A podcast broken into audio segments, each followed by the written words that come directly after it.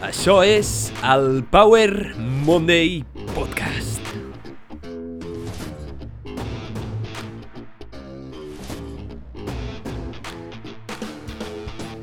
Benvinguts al Power Monday Podcast. Soc en Pau, el teu apassionat de salut, inspiració i ciència, i estic molt agraït de que estiguis escoltant aquest episodi. Tinc una pregunta per tu. Quins són els teus hàbits al matí? Quina és la teva rutina matutina? Què fas quan et despertes?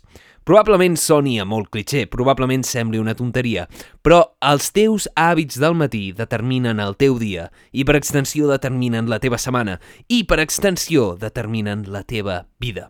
I és que molta gent se n'està donant, grans experts en comportament humà et donen la raó en aquest sentit, en el que la rutina matutina és el primer pas fonamental per viure la teva millor vida i és probablement una de les bases per viure millor.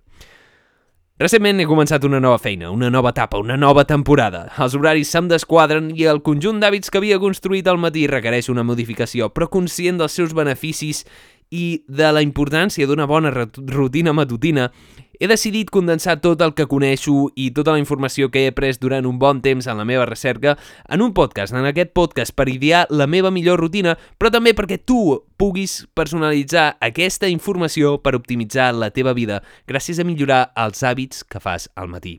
Per això en aquest episodi parlarem d'això i molt més. Parlarem de què és una rutina matutina, per què t'hauria d'importar, quina és la ciència que hi ha al darrere, per què no és avorrit una rutina matutina, els cinc principis bàsics i fonamentals, els beneficis, diferents estratègies, tres hàbits que et destrueixen el teu dia i, per acabar, tres consells que et poden ajudar moltíssim a l'hora de construir aquests hàbits i viure la teva millor vida gràcies a una bona rutina matutina, que és part fonamental per mi d'una gran vida. Però abans de començar aquest episodi, com sempre, deixa'm fer-te el petit recordatori. Si t'agrada aquest contingut 100% gratuït en català que promou la inspiració i el contingut basat en l'evidència, comparteix a una persona que creguis que el pot ajudar. T'incito i t'animo a posar-me a seguir o m'agrada a les plataformes com Spotify, Google Podcast i em pots trobar també a Power Monday Show a Instagram on pots enviar missatges i també a la xeta on pots donar suport a aquest contingut. Dit aquest missatge, tots els enllaços a la descripció. Ara sí, anem a començar aquest episodi. Som-hi! El seu nom ja ho diu. Les rutines matutines o rutines matinals són conjunt d'hàbits o seqüència d'hàbits que et permeten augmentar la teva productivitat, focus, felicitat, energia al llarg del dia. Ens permet començar el dia amb una intenció clara, dedicant temps per tu, prenent el control del dia. Aquestes rutines solen integrar hàbits que t'ajuden en l'aspecte mental, físic, emocional i espiritual, i aquests els veurem per separat i veurem com podem construir i què hi ha de ciència o de veritat potser en aquest tema. El que he observat amb el meu temps en el món de la salut i la meva passió per l'optimització personal és que la gran majoria de persones d'èxit tenen uns molts bons hàbits matutins. Èxit es defineix com gent amb una gran salut econòmica, salut en general o que consideren èxit per ells mateixos. Amb la meva pròpia experiència, he notat que quan començo el dia amb un bon conjunt de pràctiques conscients i positives, el dia agafa una inèrcia completament diferent. Un altre to. És com allò que es diu que avui s'ha despertat amb el peu esquerre, doncs quan fas una bona rutina matutina et despertes clarament amb el peu dret. I és que el que fas al matí impacta la resta del teu dia. Quan perdo aquests hàbits, eh, no rendeixo de la mateixa manera, no estic tan de bon humor, no em sento tan bé, em sento més cansat, menys productiu i tinc menys ganes i noto que no assoleixo tant els objectius. No es tracta tampoc de ser sempre molt productiu, simplement es tracta de sentir-se cada dia bé, cada dia el millor possible dins de les circumstàncies que t'envolten. Autors com Tony Robbins, Ben Greenfield, Tom Bilyeu, Sean Stevenson, Mel Robbins, Moltíssims autors, també Sergio Fernández, Borja Vilaseca i molts d'altres, recomanen construir una bona rutina matutina com un dels millors passos per canviar la teva vida cap a millor. Per canviar la vida que vius, simplement a través d'una rutina constant que aplicaràs cada dia. Per les xarxes socials, però, es transmet el missatge potser massa utòpic i poc pràctic a la realitat en la que vivim d'una rutina ideal, molt estricta, en la que viurem com uns déus. Però vivim en un món on despertem i hem d'anar a treballar o portar els nens a la feina... Ai, a la feina no, portar els nens a, a l'escola, tot i que per ells potser és com una mica una feina. Portar els nens a l'escola, preparar-nos per l'endemà, netejar, tenim obligacions. Però la veritat és que necessàriament no ha de ser complexa la rutina, no ha de ser complicada i realment qualsevol persona la pot aplicar. De fet, si no tens 15 minuts per tu en el teu matí, no tens vida. I sí, ho has sentit bé, amb només 15 minuts per tu en el teu dia ja pots marcar molt la diferència, ja pots canviar la teva trajectòria. El que sí hem de tenir clar és que fora del missatge utòpic que es transmet en les xarxes socials, en rutines matutines potser massa estrictes, hem de personalitzar la informació. I és que cadascú té les seves circumstàncies, les seves preferències, els seus gustos, genètica, edat, gènere, i això determinarà quina és la millor rutina per tu. Per tant, aquest és el primer missatge amb el que vull que quedis. No hi ha una rutina perfecta per tothom. Els hàbits del matí depenen exclusivament de tu. Dit això, Tenim la sort de que tots som humans, o la majoria sembla que ho som, i que compartim una biologia en comú. I a través de la ciència podem estudiar què funciona a la majoria i què funciona a nivell objectiu, gràcies a la validació amb la ciència i amb la pràctica històrica de moltes i moltes persones. Així que estadísticament tens molta probabilitat de trobar hàbits que s'adecuin a la teva circumstància. No fa falta que descobreixis uh, novament la roda. Per tant, d'això anirà aquest episodi on compartiré pràctiques basades en la ciència i la pràctica comuna que han demostrat beneficis a l'hora de la rutina matutina. Ara potser pensis, val Pau, ara em diràs que adopti nous hàbits i això serà molt complex. Més enllà de la veritat, de la mateixa manera que has aconseguit incorporar l'hàbit de rentar-te les dents cada matí, pots incorporar un cert conjunt d'hàbits saludables que en poc temps poden canviar radicalment la teva trajectòria. Recorda que per veure grans canvis en la teva vida has de començar canviant els petits processos que són els hàbits, que són el fonament de determinar la teva trajectòria. Però potser ara preguntis, Pau, per què coi ho he de fer al matí? Si tinc les meves 24 o 16 hores en les que estic despert i puc fer totes aquestes pràctiques i aquests hàbits quan vulgui. Doncs al matí, el millor moment és el millor moment del dia perquè si només al despertar ja has fet les pràctiques que són beneficioses per la teva salut física, mental i espiritual, ja hauràs guanyat el dia. Ja hauràs fet un gran pas per ajudar-te a estar millor. Ja hauràs començat al dia invertint en tu mateix aquests hàbits. Això és una gran idea perquè encara no han començat el dia, encara no han aparegut nous problemes, encara no se t'han posat les circumstàncies de la vida en el camí i ja t'has pagat a tu mateix. En anglès es diu sovint Pay yourself first. Paga't a tu mateix primer. Inverteix en tu per poder servir als altres, per poder presentar la millor versió de tu mateix als altres.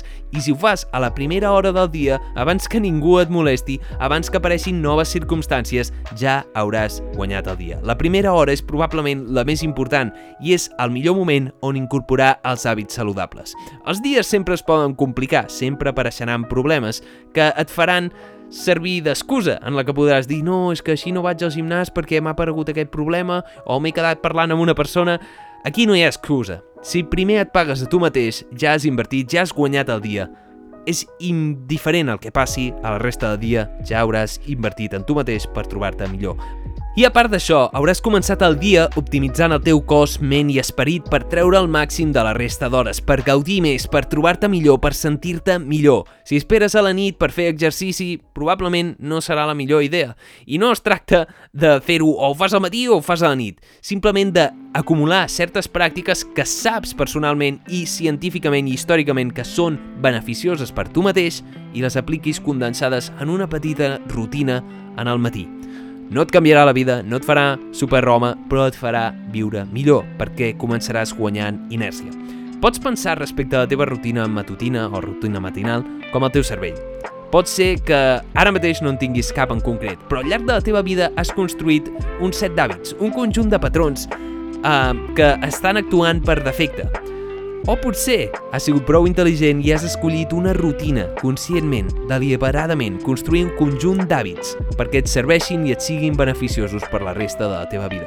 De la mateixa manera que rentar-se les dents podem acumular, podem fer un stack d'hàbits, de petits hàbits que poden canviar completament la teva trajectòria, poden servir per prevenir i per augmentar la teva energia i sensació de benestar al llarg del dia i així canviar la teva vida.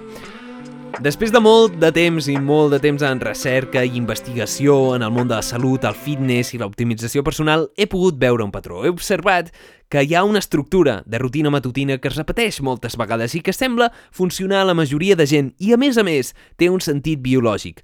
A part d'això, a mi personalment millora el meu estat físic i mental i em fa viure i trobar-me molt millor. És un conjunt de passos que no requereix gaire temps, que és fàcil i accessible, que ho pot fer tothom i és gratuït i és una estructura que es repeteix en moltes rutines dels professionals que comparteixen aquest concepte. Són 5 passos bàsics que compartiré ara mateix amb tu perquè els puguis personalitzar a la teva vida, a les teves circumstàncies, genètica, edat, etc. Així que anem a veure aquests 5 passos. Són els següents, te'ls diré ràpidament i després els analitzarem un a un. El primer pas és la hidratació, el segon pas és el moviment, després són les pràctiques mentals, ja sigui meditació, ment, esperit, i després, per últim, tenim l'exposició a la llum i la nutrició. Aquests són els 5 passos, hidratació, moviment, pràctiques meditatives, llum i nutrició. Anem ràpidament a veure el primer pas. En primer lloc, i si t'has de quedar amb un pas de tots, que sigui aquest. És el primer pas. Només despertar-te, hidrata't. El primer pas és la hidratació. Només al despertar beure dos o tres vasos, uns 650 mil·lilitres d'aigua, ha demostrat que és molt beneficiós per al teu dia a dia i perquè et trobis millor les primeres hores. I és que aquest hàbit clàssic és essencial, probablement te l'ha comentat la teva iaia, ja que només al despertar és el moment del dia en el que estem més deshidratats. Portem unes 8 hores en les que no has begut cap fluid ni ingerit cap aliment amb aigua, per tant, és probablement el moment del dia en el que estàs més deshidratat. I tots sabem com d'important i essencial és l'aigua per al bon funcionament del cos, per mantenir-nos sans, satisfets i conscients. Hi ha molts problemes de salut, tant a llarg com a curt termini que poden derivar d'una deshidratació o que segur que els empitjora. Aquests inclouen les migranyes, la dispèpsia, la hipertensió, els calcos renals, molts tipus de càncer, tuberculosi, l'obesitat... Moltes i moltes malalties depenen també de l'aigua, però té sentit perquè som un 60-70% d'aigua, per tant no hi ha cap reacció i cap cèl·lula que es benefici, en el nostre cas, d'estar deshidratat. Per tant, si volem funcionar al llarg del dia de manera òptima, el més ideal és invertir en beure aigua i així ens assegurem que passi el que passi, ja estarem molt hidratats o ja tindrem uns requeriments bàsics complerts d'hidratació. El que et recomano és que no comencis amb cafè, ni comencis amb te, ni comencis amb cap beguda que tingui calories. La millor beguda d'aquest planeta és l'aigua normal. I et recomano que comencis el dia bevent uns 2-3 vasos d'aigua. Això és el que s'ha vist en la gran majoria de pràctiques. Però no només és important la hidratació per totes les reaccions en el nostre cos, sinó que beure aigua al matí ha demostrat que ajuda a activar el sistema digestiu, facilitant els moviments digestius i activant el nostre metabolisme. Disminueix la sensació de gana al despertar. Diferents estudis han demostrat que beure aigua abans dels àpats disminueix la sensació de gana i millora la capacitat de controlar la quantitat que mengem. Això ho va observar un estudi on beure aigua abans de menjar disminuïa entre un 13 i un 30% la quantitat de calories que necessitaven consumir els individus per sentir-se tips, per sentir-se que ja havien menjat suficient. Per tant, beure aigua t'ajudarà a que no tinguis tanta gana en les primeres hores del dia si és el teu cas. A part d'això, aquests dos tres vasos d'aigua activaran el sistema digestiu, així com el sistema intestinal, i ajudaran a que siguis més regular intestinalment i vagis al lavabo. Et recordo que si no cagues no tens salut, i sí, ho dic així clar i català, perquè cagar és molt important. Evacuar la femta és molt important, la regularitat intestinal t'ajudarà a viure millor. Llavors, beure aigua t'ajudarà que vagis com un rellotge al lavabo, que et sentis millor, et sentis hidratat i comencis el dia amb un bon peu. Aquest és el primer pas. Anem a veure ràpidament el segon pas, el moviment. El moviment és un dels components bàsics de qualsevol bon conjunt d'hàbits matinals i pràcticament nocturns. I és que ens serveix per activar el sistema cardiorrespiratori, la circulació sanguínia i linfàtica. Portes 8 hores estirat al llit. El teu cos no ha circulat bé la sang, així que les teves articulacions i músculs estan entomits, estan encarcarats, i moure't i activar la circulació t'ajudarà que et trobis millor al llarg del dia. Et podria parlar hores i hores dels beneficis que s'han observat de l'exercici físic de molts tipus. I com, si l'exercici físic fos un medicament, seria el medicament més bo de la història i el més vengut, probablement. Però el que no entén molta gent és que els principals beneficis de l'exercici no són només la pèrdua de pes o greix i veure's fort en el mirall, sinó que a gran part dels beneficis de l'exercici són els beneficis mentals, de la sensació d'energia en general, els beneficis de salut cardiovascular, per tant de salut en general, de reducció de mortalitat i sobretot de que et fa sentir molt bé. Per tant, ara potser et pensis, Pau, i quin és el millor tipus d'exercici que fer al matí? He de fer peses? He de fer cardio? La millor, el millor tipus d'exercici és aquell que facis, el que et sigui còmode. I és que no existeix un millor tipus d'exercici pel matí. I, eh, fer exercici al matí no vol dir que no en facis després o no vagis al gimnàs. I també el pots ubicar en el gimnàs. No cal que sigui un exercici molt intens, tot i que pot ser-ho. Simplement el moviment que s'adapti millor a tu.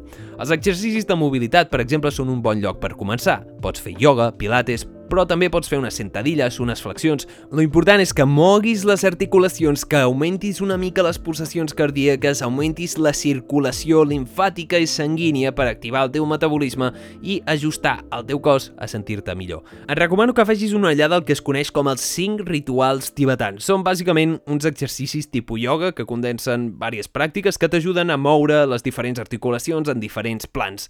A més a més, hi ha un tipus de moviment que és important al matí, el moviment de coordinació, perquè el moviment de coordinació t'ajuda a activar el sistema vestibular de l'equilibri i això fa que t'activis i que sentis més energètic i menys empanat mentalment. A part, hi ha una cosa que és important a l'hora de fer exercici al matí, i és que ajuda a sincronitzar el teu ritme circadià. El ritme circadià ho parlarem més endavant al ritme, en el, ho parlarem més endavant en el punt 4, on parlem de l'exposició a la llum, però que sàpigues que el ritme circadià és el que determina la teva salut i fluctuació metabòlica al llarg del dia. Fer coincidir l'exercici amb el pic de cortisol que tenim al despertar fa que després, a la nit següent, dormis millor. Això s'ha demostrat en molts estudis. Com fer exercici al matí t'ajuda a dormir millor aquella nit. Això és molt important per ajustar el teu rellotge biològic. Per tant, hem parlat de moviment, qualsevol tipus de moviment és bo, el més important és que el practiquis. Amb 10-15 minuts n'hi ha més que suficient. 10 sentadilles, 10 flexions, comença a poc a poc, fes-ne alguna. Alguna sempre és més que ninguna. Anem a per al tercer punt, les pràctiques mentals. Les pràctiques mentals, meditatives, tècniques de respiració, meditació o gratitud són molt presents en aquestes rutines i he observat que tothom qui practica una bona rutina matutina a la que atribueix gran part del seu èxit té algun tipus d'aquestes pràctiques i existeixen moltes pràctiques diferents, ja sigui meditació, respiració, gratitud, visualització o afirmacions. Qualsevol d'aquestes pràctiques et pot ajudar. Per exemple, pots visualitzar tres motius per als quals et sents plenament agraït o tenir un diari on escrius 10 minuts els teus pensaments i objectius o despertar-te, mirar-te al mirall, i això ho faig jo, i dir una pregària o una afirmació o fer exercicis de visualització. Qualsevol pràctica és bona, qualsevol pràctica que ajudi a activar el teu cervell. El més important seria que en aquestes pràctiques mentals activis el teu cervell per reconèixer certs patrons, que les viaixis, que facis que el sistema d'activació reticular que serveix per filtrar informació busqui aquests patrons. Com es fa això? Doncs simplement visualitzant, afirmant, meditant, simplement començant el dia visualitzant patrons positius mentals. Aquesta pràctica a llarg termini t'ajudarà moltíssim. Amb 5-10 minuts n'hi ha més que suficient. I si vols saber més sobre meditació, respiració o altres pràctiques pots escoltar altres podcasts com el 53, el 55 o el 73, on parlo amb Vilma Bultoliu, que és experta en tots aquests temes. En aquest cas, llegir també seria un gran hàbit que considero com a pràctica mental, perquè et serveix per invertir en tu mateix i pots aprendre moltíssim. Una de les persones que més admiro en aquest món té l'hàbit de llegir 10 minuts al matí quan es desperta. I ara mateix, amb quasi 95 anys que té, ha llegit uns quants llibres. Si va començar això als 20 anys, 70 anys de llegir 10 minutets al dia li ha canviat completament la vida i és la persona que conec que té més llibres a casa seva. Així que decideix en què vols invertir, ja sigui meditació, llegir, qualsevol d'aquests hàbits et pot ajudar, el que s'adequi més a tu. 5 minutets sempre són molt més que 0 minutets. Val? Espero que aquesta pràctica quedi clara. També la pots coordinar amb l'exercici, que és el que faig jo. Faig unes flexions, faig unes sentadilles, faig unes sentadilles en català són squats, uh, faig algun tipus d'exercici, després ho barrejo amb respiració i una mica de pràctica de gratitud i visualització. Ara ja anem a parar el quart punt, el sol, la llum, sortir a la naturalesa. Aquest parla sobretot sobre salut circadiana, i és que la millor rutina biològica és la que s'ajusta a la teva biologia. La millor rutina és la que s'ajusta a la nostra biologia com a éssers humans. La nostra biologia està regida, en gran part, com la biologia de tots els éssers en aquest planeta, per un cicle de 24 hores, un ritme circadià. I és que totes les teves cèl·lules tenen rellotges interns que fa que controlen la teva activitat metabòlica al llarg del dia. Com sabem, si no, quan hem d'anar a dormir, quan, estem, quan hem d'estar desperts i quan estem cansats, sinó per les senyals que ens envia la llum del sol. La llum del sol ens envia senyals. I per què és tan important això a la rutina matutina? Perquè al despertar, el primer que has de fer, o una de les primeres coses, no cal que sigui molt ràpidament, pots esperar una mica, però és important exposar-se a la llum del sol. A la primera llum del sol en particular sembla que té una longitud d'ona i un espectre que activa certes àrees del nostre cervell i l'alliberació d'hormones saludables ajustant el nostre ritme circadià i t'ajuden increïblement, i això hi ha molts estudis que ho estan demostrant ara mateix, que veure la primera llum del dia t'ajuda a dormir millor la nit següent. I així et trobes millor mica en mica. Però ara diràs, Pau, jo em desperto molt d'hora i no em puc exposar a la llum del sol. Si pots, exposa't a la llum del sol, sempre que puguis, encara que sigui hores després de despertar-te, sempre quan sigui la primera llum del dia. Mai la miris directe al sol, no vull que es quedi ningú sec per mirar el sol per culpa meva, i intenta no mirar aquesta llum a través d'un vidre, perquè aquesta llum es reflecteix, queda reflectida i es perd un 50% dels fotons que són importants per ajustar el teu ritme circadià. Per tant, si la pots mirar directament, molt millor. I si no hi ha llum del sol, Pau, i si no hi ha llum del sol, pots utilitzar llum artificial per ajustar el teu ritme circadià. Per tant, seria interessant al despertar-te exposar-te a una bona quantitat de llum, mirar no fixament, sinó obrir els llums i no estar-te fosc. Pot ser una transició progressiva, però exposar-te a llum ajustarà el teu ritme circadià i t'ajudarà, jo ho he comprovat personalment, t'ajudarà a despertar-te sense alarma. Si mires la primera llum del dia i la segona i la última llum del dia, és molt fàcil que et despertis sense alarma a l'hora relacionada amb aquesta llum. Els éssers humans som éssers biològics, també som animals que s'ajusten amb el cicle de 24 hores que segueix aquest planeta Terra. Per tant, aquest és el quart component essencial d'una bona rutina matutina, exposar-te adequadament a la llum del sol o a la llum artificial i no quedar-te a les fosques. Per últim, tenim el cinquè pilar fonamental que he vist en totes les rutines i aquest és essencial per la salut en general. I és una bona nutrició, un bon esmorzar. I això és opcional, perquè pots fer el dejú, però el que és important entendre és que l'esmorzar és l'àpat més important del dia. I concretament no l'esmorzar, sinó el primer àpat que trenca el dejú és probablement l'àpat més important del dia, i és que pots esperar fins a l'hora de dinar i aquell serà l'àpat més important. Amb el que vull que et quedis a l'hora d'un bon esmorzar que determinarà com et sents al llarg del dia és que no tingui carbohidrats simples, que tingui carbohidrats complexos, que sigui una bona font de proteïna i de greixos saludables, però sobretot que tingui fibra i sigui complet. Parlarem més endavant en el, un dels punts dels de, hàbits que poden destruir la teva rutina matutina, per tant no m'avanço. Dit això, hem vist els 5 grans pilars fonamentals d'una bona rutina matutina o una rutina matinal d'èxit que pot canviar radicalment la teva vida. Però com et deia, de la mateixa manera que hi ha una millor rutina per tu, hi ha la pitjor. Llavors, quina és la pitjor rutina de totes que pots seguir per la teva salut? Quina rutina destrossarà la teva vida? Quins són els hàbits que s'ha observat que són més negatius, més perjudicials per començar el teu dia? Doncs he recopilat tres hàbits comuns que pots fer perquè el teu dia vagi pitjor, vagi molt malament, que si no els fessis et trobaries millor. Recorda que aquí no estàs competint amb ningú, no es tracta de superar a ningú, ni de dir quins hàbits faig malament, ni de sentir-te jutjat. Més aviat al contrari, només competeixes amb tu mateix. L'únic que pots optimitzar en aquest univers, l'únic en el que pots millorar, és en els teus hàbits, en els teus pensaments, què fas al teu dia a dia. D'això estem intentant aquí, parlar de què podem fer de manera individual per millorar-nos a nosaltres mateixos i per extensió la nostra vida i el nostre món. El primer hàbit completament negatiu que destrossarà la teva rutina i, per tant, el teu dia és apagar l'alarma i dormir 5 minuts o 10 minuts més. Aquest, encara que no ho sembli, és un dels hàbits més destructius per al teu dia.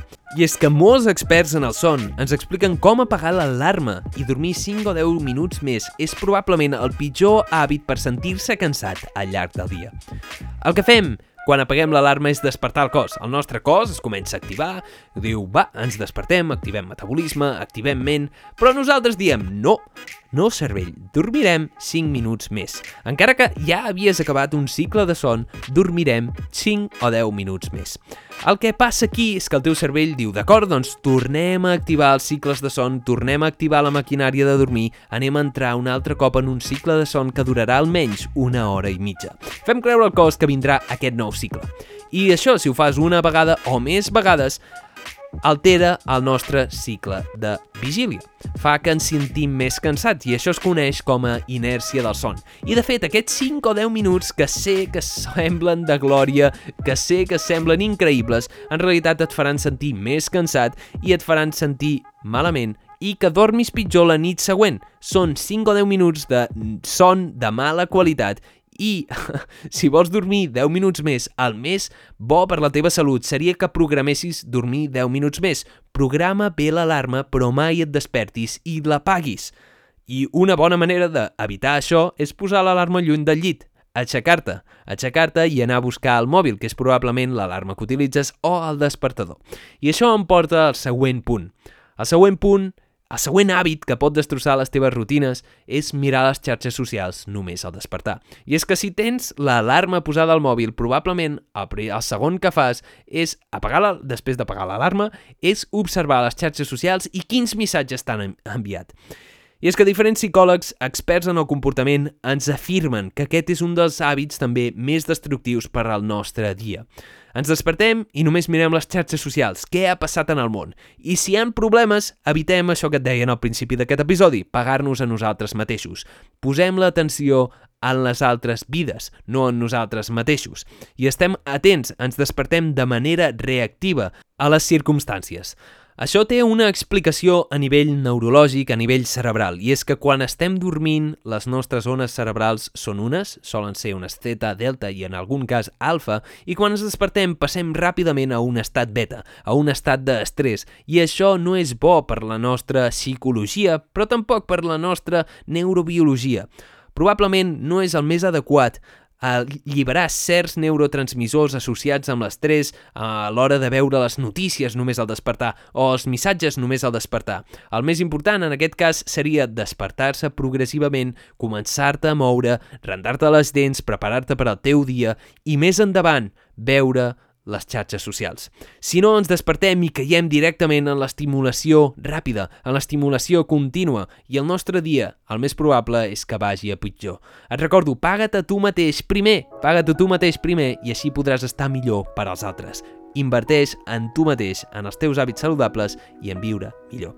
Així que al despertar, el més adequat és que tinguis el mòbil en modo avió si l'utilitzes com a alarma o que utilitzis un despertador, així no utilitzes el mòbil, no estàs reactiu a les circumstàncies i no poses per davant la vida dels altres o les circumstàncies externes en la teva salut. Aquest, doncs, és el segon hàbit que té el potencial de destrossar la teva vida. Val, no, és un hàbit negatiu que pot ser perjudicial i que tampoc n'hi ha per tant, però que si vols invertir en alguna cosa és eliminar aquest hàbit. Anem a per al tercer hàbit que probablement destrossarà el teu dia a dia i la teva rutina matutina. I és començar el dia amb un postre. Com et deia abans, començar un dia amb un aliment ric en carbohidrats simples, carbohidrats refinats com els sucres, els cereals refinats, la brioixeria industrial, és la recepta perfecta per sentir-te cansat la resta del dia i tenir sensacions incontrolables de gana, que començar el dia menjant cereals refinats és fer-se un fals favor, és fer-se una putada, per dir-ho clar i català. Això, a part de ser negatiu per la teva salut en general com a àpat, causarà un pic de glucosa en sang seguit d'un pic d'insulina que per compensar les hores després una hipoglicèmia començarà a alliberar les hormones de gana. Perquè el teu cos es pensarà que li falta sucre al causar la hipoglicèmia derivada del gran pic d'insulina i et farà tenir... Oi, comença a menjar. Llavors, entrem en aquest cicle de que tenim gana, ens sentim cansats i que no podem rendir sense gana perquè ens autoinduïm una hipoglicèmia per haver menjat uns aliments molt rics en carbohidrats. A part d'això, esmorzar, com et deia, és l'àpat més important perquè és trencar el dejú i hauria de ser probablement l'àpat més dens del dia i no té per què ser un postre. Sé que culturalment això està vist així, el més important és esmorzar uns, uns cereals, uns dolços, però podries esmorzar com el que dines o com el que sopes. Podries esmorzar fruita, verdura, cereals, integrals, fruits secs, llegums, no hi hauria cap mena de problema. El teu cos no està fet per esmorzar una cosa o una altra. El que sí està fet el teu cos és per ajustar-te, com et deia, als teus ritmes circadians. I si has d'escollir quan esmorzar, que sigui almenys una hora després de despertar o almenys després de fer exercici, després d'ajustar el teu ritme circadià. Si esperes aquesta hora, esperaràs i ajudaràs a que el teu cos normalitzi els nivells de cortisol i melatonina, aquestes hormones relacionades amb la teva salut circadiana que s'ajusten amb aquest cicle de 24 hores. Aquest cicle de 24 hores és molt important per la teva salut metabòlica i no té el mateix impacte, la mateix, el mateix àpat quan ho fas just al despertar o quan ho fas després de despertar. Això ho he parlat altres vegades, com una caloria no és una caloria i que tot també depèn del teu estat metabòlic. Per tant, si has de fer un àpat, uh, per esmorzar, espera entre una hora o com a mínim mitja hora després de despertar perquè s'ajusti la teva salut circadiana i el teu cos pugui extreure els màxims beneficis i que no acumuli tant de greix. Si vols un bon esmorzar saludable, pots esmorzar cibada, amb fruits secs, amb algun iogurt, unes verdures, unes bones crucíferes. Sé que esmorzar bròquil no sona molt temptador, però és probablement un dels passos que et portarà a viure millor. Aquest és un dels consells importants, pots també començar a esmorzar amb proteïna, no fa falta que hi hagin carbohidrats, però que quedi clar que un dels millors consells és no començar el dia amb un postre. Comença amb un bon àpat nutricional que t'ajudi a viure el teu millor dia. Aquests són els tres hàbits que poden destrossar la teva rutina matutina i, per tant, poden impactar negativament el teu dia, però n'afegiré dos més, el quart i el cinquè. El quart, ja te l'he dit, és respectar el teu ritme circadià, fer aquests hàbits positius, com l'exercici, exposar-se a la llum del sol i menjar certes coses ajustant el teu ritme circadià de manera adequada i t'ajudaran a dormir millor i a optimitzar la teva biologia. Però a part d'això, afegiré beure cafè massa d'hora, has d'esperar almenys dues hores abans o una hora entre dues i una hora abans de beure cafè per al mateix motiu, per la salut circadiana, espera que s'estabilitzin aquests nivells de cortisol, aquesta hormona que controla l'estat de vigília, i de melatonina, l'estat de dormir. Llavors, dit això, hem vist els cinc pilars fonamentals d'una bona rutina matutina. La hidratació, el moviment, les pràctiques mentals, l'exposició a la llum i la nutrició. I hem vist els tres hàbits que poden destrossar la teva rutina matutina, que és apagar l'alarma i dormir 5 minuts més, mirar les xarxes socials només al despertar, tot i que, tot i que això ho hem fet tots, eh, sabem que és negatiu, i començar el dia amb un postre. Això és completament negatiu i determinarà com et sents al llarg del dia. Al final, no hi ha una rutina per tothom, i aquest és el missatge amb el que t'has de quedar d'aquest episodi. Cada persona és única i tindrà diferents objectius. La clau és fer la millor rutina per tu i anar provant coses diferents, senzilles, fàcils i amb sentit biològic. No intentar-ho tot de cop, no intentar fer una rutina perfecta, però sobretot mantenir-se constant. I explicats aquests conceptes, deixa'm que et doni tres consells que et poden ajudar moltíssim a l'hora de construir aquests hàbits, a l'hora de construir la teva millor rutina, uns conceptes que t'ajudaran a adaptar-te millor a la vida. En primer lloc, no et tornis neuròtic, però tampoc fallis. I és que, a l'hora dels hàbits, la constància és la clau per veure els beneficis. Apunta't al conjunt d'hàbits que vols fer cada matí, que saps que et funcionen per tu. Per exemple, yoga, meditació, journaling, un bon esmorzar, eh, la intenció de netejar, llegir, preparar-te el dia. I tingues present que aquesta rutina no serà perfecta, que no serà de llibre, que no funcionarà sempre, que alguna vegada apareixeran problemes, que fallaràs, però que el més important no és que la teva rutina sigui perfecta, sinó que sigui constant. Pots aplicar una versió reduïda de la teva rutina els dies que hi hagi factors que eren imprevistos, com dissabte i diumenge. Sembla que dissabte i diumenge no hem d'aplicar aquests hàbits. Més aviat al contrari. Si et mantens constant i fas aquesta rutina versió reduïda, t'ajudarà a arribar més lluny perquè la intensitat a curt termini sempre perdrà contra la consistència a llarg termini. Els hàbits són el que modulen la nostra trajectòria, no les grans decisions. I això et pot fer sentir-te millor, trobar-te millor, al llarg del dia. No només seran beneficis a llarg termini, sinó que veuràs aquests beneficis a curt termini. Per tant, no tornis neuròtic, però tampoc fallis. Mantén-te constant. I això em porta en el segon punt, que és l'adaptabilitat. I és que una cosa m'he adonat en els últims mesos, i és que he canviat de feina i la meva vida ha canviat. I és que la vida va a temporades. I com a temporades de bàsquet o futbol i com a jugador durant molt temps de bàsquet, m'he adonat que això és completament cert i les temporades canvien. Pot ser que la rutina que feies ja no et serveixi per un canvi en la teva vida, per un canvi en la teva salut. El més important és adaptar-se i no deixar-se portar per la inèrcia d'aquest canvi i eliminar els teus hàbits. Sempre que apareixi una nova temporada, un nou problema, adapta la teva rutina, sigues flexible, Adapta't a aquests canvis que no estan sota el teu control, però sigues conscient i escull de manera deliberada quins hàbits determinaran el teu dia. A part d'això, en els anys tu canviaràs. Canviarà la teva biologia i les teves circumstàncies. Pot ser que les teves necessitats canvin, que tinguis fills, així que sigues constant a l'adoptar una rutina matutina, però sigues conscient de que els canvis vindran i que la teva rutina patirà canvis i patirà noves reformulacions i també Obre la teva ment a noves possibilitats, a noves pràctiques, com el journaling, com la meditació, com les afirmacions al, al mirall. Prova-ho un mes, prova-ho una setmana, prova-ho 60 dies i mira com et sents, sigues el teu propi experiment. Ves provant quins hàbits pots afegir al matí que t'ajuden a fer-te servir, sentir millor. Perquè, com et deia, al matí és la millor manera per invertir en tu mateix per determinar la trajectòria del teu dia i per extensió de la teva setmana i la teva vida. Per últim, tinc un tercer consell, i aquest és probablement el consell més important de tots, que a mi m'ha ajudat moltíssim a donar-me de que la rutina matutina comença la nit anterior. Evita els falsos favors, els típics ja ho faré demà, ho deixo per després, demà al matí ja ho faré... En realitat això és una trampa que et pot perjudicar el dia de demà.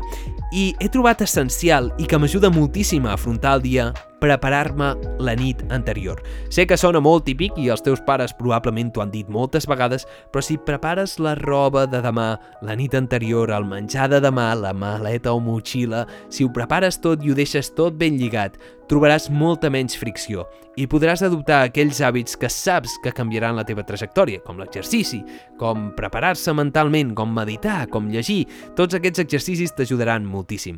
La rutina matutina comença sempre la nit anterior. I jo tinc una pràctica que fa temps que adopto i que noto moltíssim la diferència quan no l'aplico, perquè hi han dies que fallo, òbviament, com tots, que és escriure què faré demà la nit anterior. 5 minuts em porta.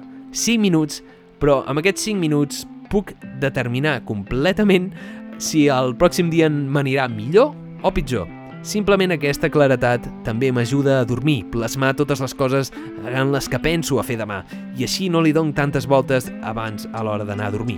Per tant, abans d'anar a dormir, apunta les coses que faràs demà, prepara't per al dia de demà i sigues conscient. Hi ha una persona que em va inspirar molt i que em va dir la següent frase.